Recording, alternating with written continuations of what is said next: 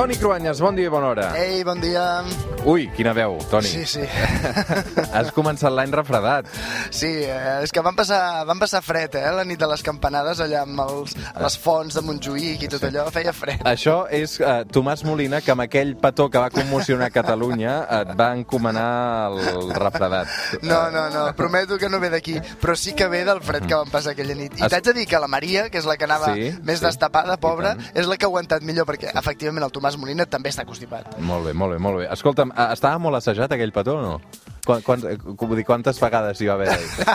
A veure, no em diràs que ho veu improvisar, això, Cruanyes. No, no, vam improvisar, sí, la idea justament era aquesta, que, que quedés bé i que la Maria se'n retirés, però, però no ho vam assajar, eh? vam dir que ho faríem Mm. i després ho vam, ho vam fer. Molt ja bé, està. molt bé, molt bé. I ja ho tenim fet. Avui el que toca són els Reis, de seguida també la política, perquè això no descansa ni, ni el dia que arriben els Reis d'Orient. Sí. Uh, I precisament parlarem uh, una mica d'aquesta cavalcada o, o de coses relacionades amb tot això, eh? Sí, de fet, volia parlar d'un d'ells, eh? la polèmica no del rei Baltasar, pobre, si- sinó de com representar-lo.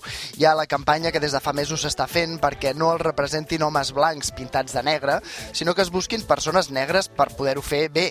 Els arguments són tant el de voler integrar en el folklore més tradicional les persones negres que viuen a Catalunya, com també el de no denigrar-los, pintant-los, com alguns creuen, de forma burlesca. Però amb tu, Toni, uh, no parlarem d'aquesta polèmica, sinó que buscarem en la història un dels pocs personatges negres que ha transcendit. Sí, tant en la història en majúscules, de seguida el veurem, com en la història en minúscules, és a dir, en aquest imaginari col·lectiu que moltes vegades és més poderós que el que diuen les enciclopèdies o els grans llibres d'història. Molta atenció perquè avui amb el Cruanyes parlem del Moro Musa. De fet, a, a veure, um, per aclarir-nos, hem de parlar de dos moros musa. Comencem pel de les llegendes populars. Sí, el primer Moro Musa és un personatge inventat, que al País Valencià, sobretot, es fa servir per fer por als nens. Es diu, si no et portes bé, se t'endurà el Moro Musa, com qui parla de l'home del sac o del coco. El Moro Musa se'l representa com un home negre i segueix el patró més racista, més desfassat que ens puguem imaginar. En aquest context es, es fa servir de referència un possible capdill andalusí de l'època de la dominació musulmana del País Valencià. Però vaja, que la idea del Moro Musa va molt més enllà.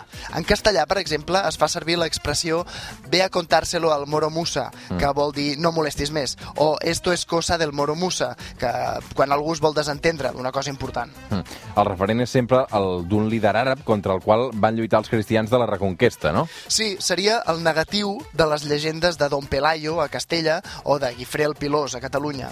Musa va ser un capdill àrab que en dos anys va dirigir els primers atacs musulmans a la península ibèrica. Això va ser al segle VIII. Per tant, era considerat un enemic temut pels cristians. També és aquest el cas del País Valencià, on més popular va ser la figura del Moro Musa contra el que hauria lluitat Jaume I, el conqueridor. Ha encara molta presència eh, d'aquelles gestes en les festes valencianes, com sobretot la dels moros i cristians. Carai, uh, la imatge del Moro Musa, però, Toni, no és d'un magrebí, sinó d'un home negre. Sí, fixa't que fins i tot a l'Amèrica de tradició espanyola també hi havia referències al Moro Musa, de caràcter burlesc sempre. En el seu cas es referien als esclaus. Hi havia fins i tot una revista satírica, culta, en principi, a l'Havana, a finals del segle XIX, que es deia així, el Moro Musa. Tot això demostra com, efectivament, a la nostra tradició històrica hi ha molt de racisme. Encara hi ha molts elements despectius avui amb tots aquells i aquelles que no tenen la pell blanca.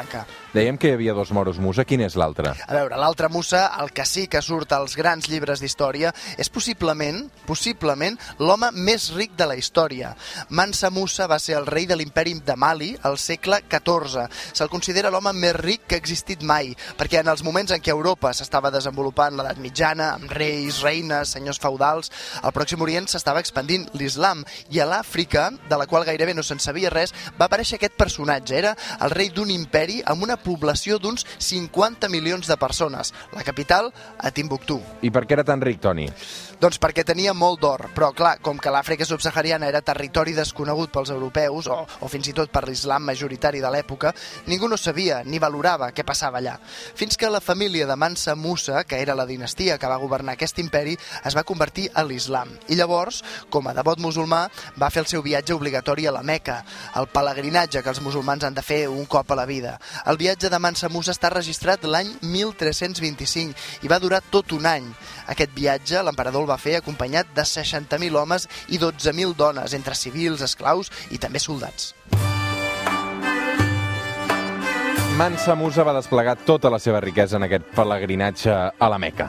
Clar, va travessar mig Àfrica, des de l'actual Mali fins a l'actual Aràbia Saudita, passant per Egipte, i l'extravagància que va demostrar incluïa persones vestides amb seda, amb sceptres d'or, els esclaus carregaven grans quantitats d'or i de sal, que en aquella època la sal també era considerada una moneda de canvi important.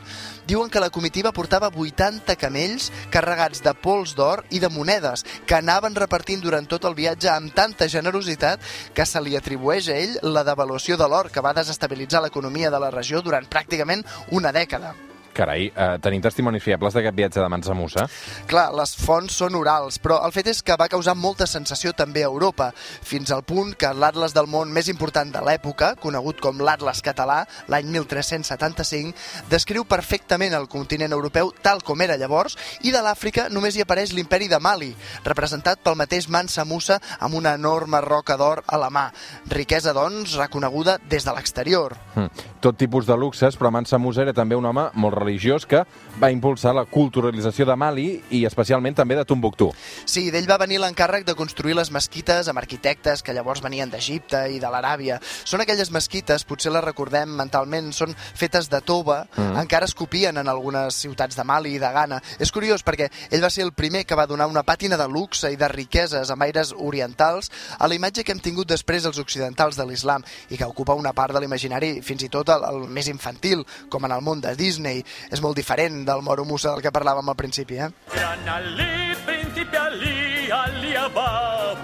Mira, aquest és un altre estereotip, eh, si explotat amb les llegendes de les Mil i una nits o d'Alibaba. Sí, realment en anglès, que de vegades es diu allò de ser tan ric com Rothschild o ser tan ric com Rockefeller, també existeix l'expressió en anglès de ser tan ric com el Mansa Musa. Molt diferent, com deies, del Moro Musa que espanta la canalla. Sí, tots són estereotips, però eh?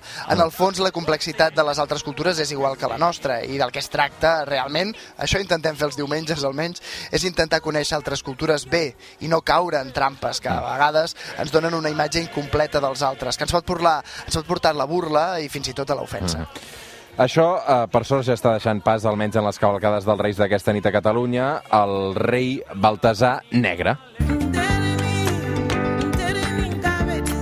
Avui arribarem a les 9 amb aquesta cançó d'un cantant de Mali, precisament es diu Fatumata Diawara. Per tant, eh, Cruanyes fins les 9 eh, per anar fent boca d'aquesta cavalcada que eh, avui estarà escapçada, si més no primera hora, per la crònica política, que no descansa ni en diumenge. No, no descansem ni en diumenge, però està bé, eh? una miqueta, encara que sigui un minut, d'escoltar música africana, no és gens habitual que ho puguem fer a la ràdio. Una abraçada, Cruanyes, cuida't la veu. Bon rei, sí.